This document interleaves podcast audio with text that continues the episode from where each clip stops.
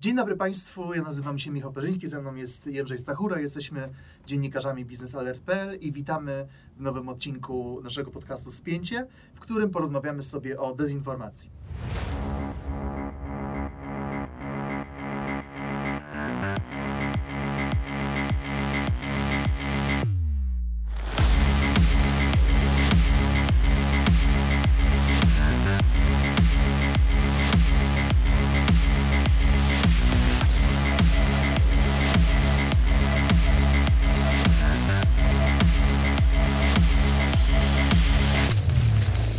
Jeszcze raz dzień dobry Państwu, cześć Dzień Jędrzej. dobry. E, Witam. em, Dzisiaj, tematem dzisiejszego spięcia jest e, dezinformacja, tutaj w kontekście przede wszystkim wojny rosyjsko-ukraińskiej. E, Wiemy, że specjalnością Rosjan jest działalność e, w internecie, która dopasow- ma wpływać na e, zachodnią opinię publiczną tak, żeby pasowało to do ich narracji, do ich propagandy. Więc y, Jędrzej, powiedz y, na sam początek, y, jak w ogóle wyglądają dokładnie te wszystkie działania. I wiem też, że Twitter jest jednym z głównych tych obszarów tej rosyjskiej dezinformacji, więc gdybyś mógł powiedzieć w ogóle, jak to, na, na czym to wszystko polega? Tak, więc ogólnie zaczynając ten temat, warto powiedzieć, że oczywiście nie dotyczy to tylko Twittera, ale wszystkich mediów społecznościowych, które w tych czasach są, wiemy, że bardzo rozwinięte i towarzyszą nam codziennie, w każdej chwili. Y, Gdy chcemy być online, musimy y, mieć ten telefon czy komputer i gdzieś tam pozyskiwać te informacje. Y, Tutaj kwestia dez- dezinformacji polega na tym, że otrzymujemy te informacje, które do nas napływają każdego dnia, w każdej godzinie e, i możemy je jakoś weryfikować, ale nie do końca jesteśmy w stanie. Dlaczego? Ponieważ e, istnieje wiele czynników, które wpływają na to, żeby naszą opinię jakoś umodelować, zmienić i na nią wpłynąć. E, Teraz sytuacja e, obecnie kształtuje się tak, że mamy wojnę na Ukrainie, gdzie te informacje do nas spływają cały czas e, i są one e, różnie e, modyfikowane. Mhm. E, są oczywiście fake news, e, to może być e, stricte fałszywa informacja, którą łatwo zweryfikujemy, ale to nie działa tak prosto. E, Rosja ma bardzo rozwiniętą tą całą gałąź i cy cyberprzestrzeni, e, hakerów e, oraz właśnie e, osób, które mają e, dezinformować e, Zachód, czy też cały świat właściwie. Mm, Więc te podstawowe, jakby pojawia się prawdziwa informacja, która może być dalej rozszerzana jako coś fałszywego poprzez różne modyfikacje. I czy to wygląda rzeczywiście tak, że to po prostu siedzi, tłum zakapturzonych młodzieńców w, Petersburgu i wymyśla fake newsy i publikuje je w zachodnich, e, czy w zachodniojęzycznych e, e, portalach? Czy to, czy to jest pewien algorytm? Jak to w ogóle funkcjonuje? Znaczy, właściwie można takie dwie gałęzi sobie tutaj, możemy sobie o nich wspomnieć. E, Pierwsza sprawa, no to tak jak nam się kojarzy tam gdzieś z filmów czy z opowieści. że- Hater, prawda? że- Jakieś fake newsy na zamówienie. Dokładnie. Y, Tutaj też y, ciekawym przykładem jest film Sala Samobójców, który zebrał różne opinie, polski film, e, ale ma, niesie za sobą e, duże przesłanie właśnie, które jakby mi osobiście otworzyło oczy na, e, na moją aktywność powiedzmy w mediach społecznościowych. E, Że nie zawsze to, co jest w internecie, to jest prawda. Dokładnie, więc nie zawsze warto gdzieś tam e, wdawać się w te dyskusje e, z, ruskimi trollami, jak to mówimy potocznie. E, dlaczego ruskimi trollami? Rosja. No bo to jest, przepraszam, że ci przerwę, bo to ukuło się takie pojęcie w przestrzeni publicznej w Polsce ruski troll. To znaczy ruski troll, czyli no to można powiedzieć, że to jest no, wulgarne określenie na kogoś, kto w internecie polskim w przypadku roz, rozpowszechnia rosyjską propagandę. Tak, y, ruskim czy rosyjskim trolem nie musi być y, Rosjanin oczywiście. Są to ogólnie osoby, które są motywowane najczęściej w sposób finansowy do pewnych działań w sieci, do wrzucania różnych postów, do komentowania różnych ważnych politycznych e, czy społecznych tematów.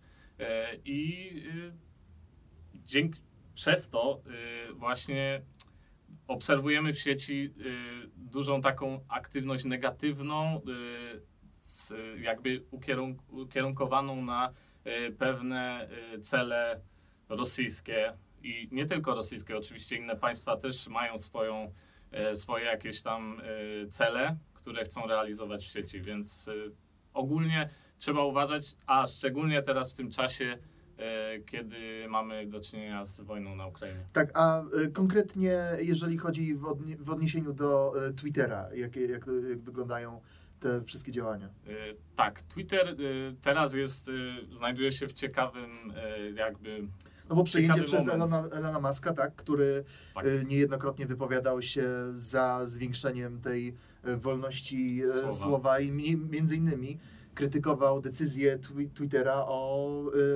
wyrzuceniu Donalda Trumpa po pamiętnych protestach 6 y, stycznia zeszłego roku. Więc jak w ogóle, jaka w ogóle będzie rola Twittera? i Jaka będzie w ogóle Twitter wygląda na to, że będzie pod rządami Elona Muska tak naprawdę polem bitwy między w cyberprzestrzeni, tak, podczas wojny. tak jest, jak, jak wiemy Elon Musk zapowiedział, że do końca 2020 roku przejmie Twittera już w całości.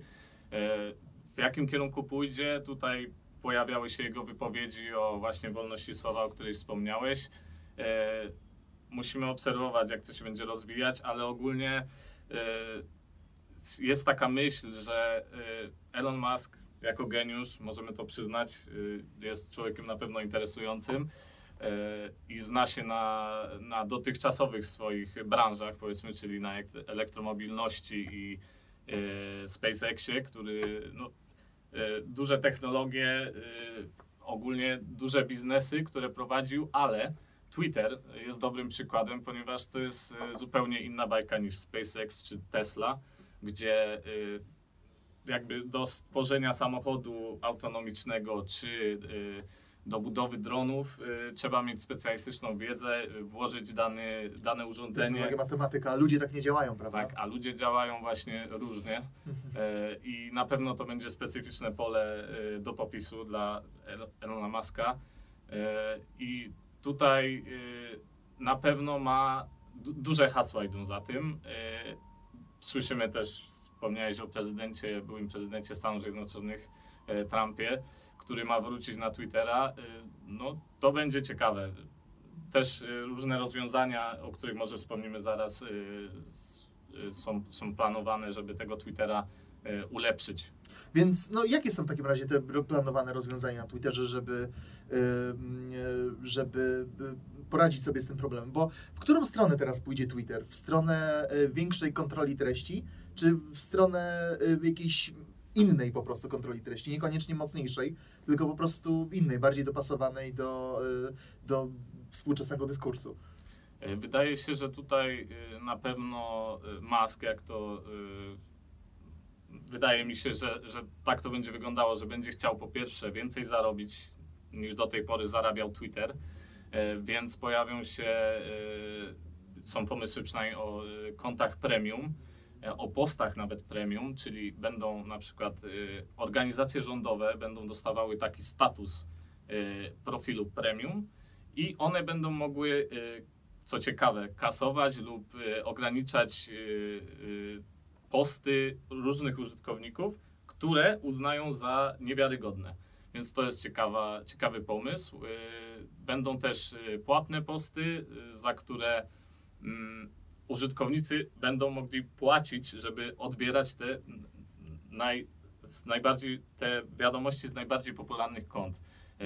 To są takie pomysły dosyć, dosyć odważne. Zobaczymy, y, co, co z tego wyjdzie. No, mamy czas do, do końca roku i, i czekamy na maska. Tak więc wygląda na to, że Twitter pójdzie w stronę jeszcze większej e, komercjalizacji. Znaczy ta I, i komercjalizacja... weryfikacji też, bo jeszcze weryfikacji, to Tak. prawda. E, Natomiast jeżeli chodzi o samą wojnę, już wracając tutaj, lądując, jeżeli w odniesieniu do wojny rosyjsko-ukraińskiej, ona tutaj można, czy można właściwie tutaj postawić y, rozróżnienie pomiędzy wojną informacyjną i formą dezinformacyjną? Czy to czasem nie jest tak, że w epoce y, postprawdy właściwie ta, ta informacja i dezinformacja y, właściwie spór na nie, czy, czy się zlewają wszystko w jedno. I jak według Ciebie to wygląda? Kto według Ciebie wygrywa obecnie wojnę dezinformacyjną? Bo z jednej strony mamy, przepraszam, że to jest dość rozległe pytanie, bo z jednej strony mamy Polskę, w której no, wydaje się, że dominuje zdecydowanie ta ukraińska narracja.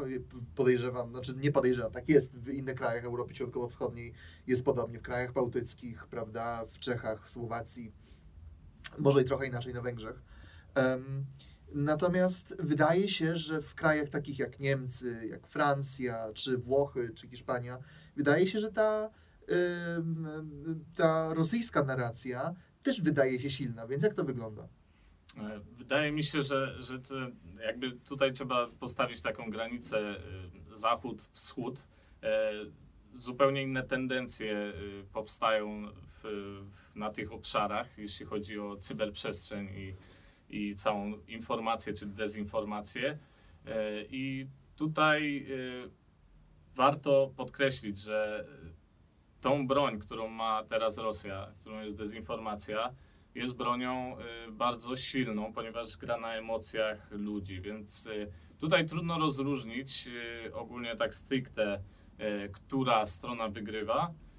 Na pewno jest to ogromne zagrożenie ze strony Rosji i powstają różne już teraz działania, chociaż mimo, że powiedzmy 10-5 lat temu nie było o tym tak głośno, to teraz poszczególne państwa, czy Unii Europejskiej, Zachodu, E, zastanawiają się nad rozwiązaniami, jak e, zabezpieczyć e, naszą, naszą tutaj społeczność przed tymi atakami. Więc na pewno o tych problemach będziemy Państwa informować w naszej pracy na biznesalert.pl. Cyberprzestrzeń to też jest jedno z głównych naszych zainteresowań, więc można się spodziewać ciekawych materiałów u nas na biznesalert.pl. W naszym tygodniowym spięciu to wszystko. Ze mną był Jędrzej Stachura, ja się nazywam Michał Perzyński. Słyszymy się w przyszłym tygodniu. Do usłyszenia. Do usłyszenia.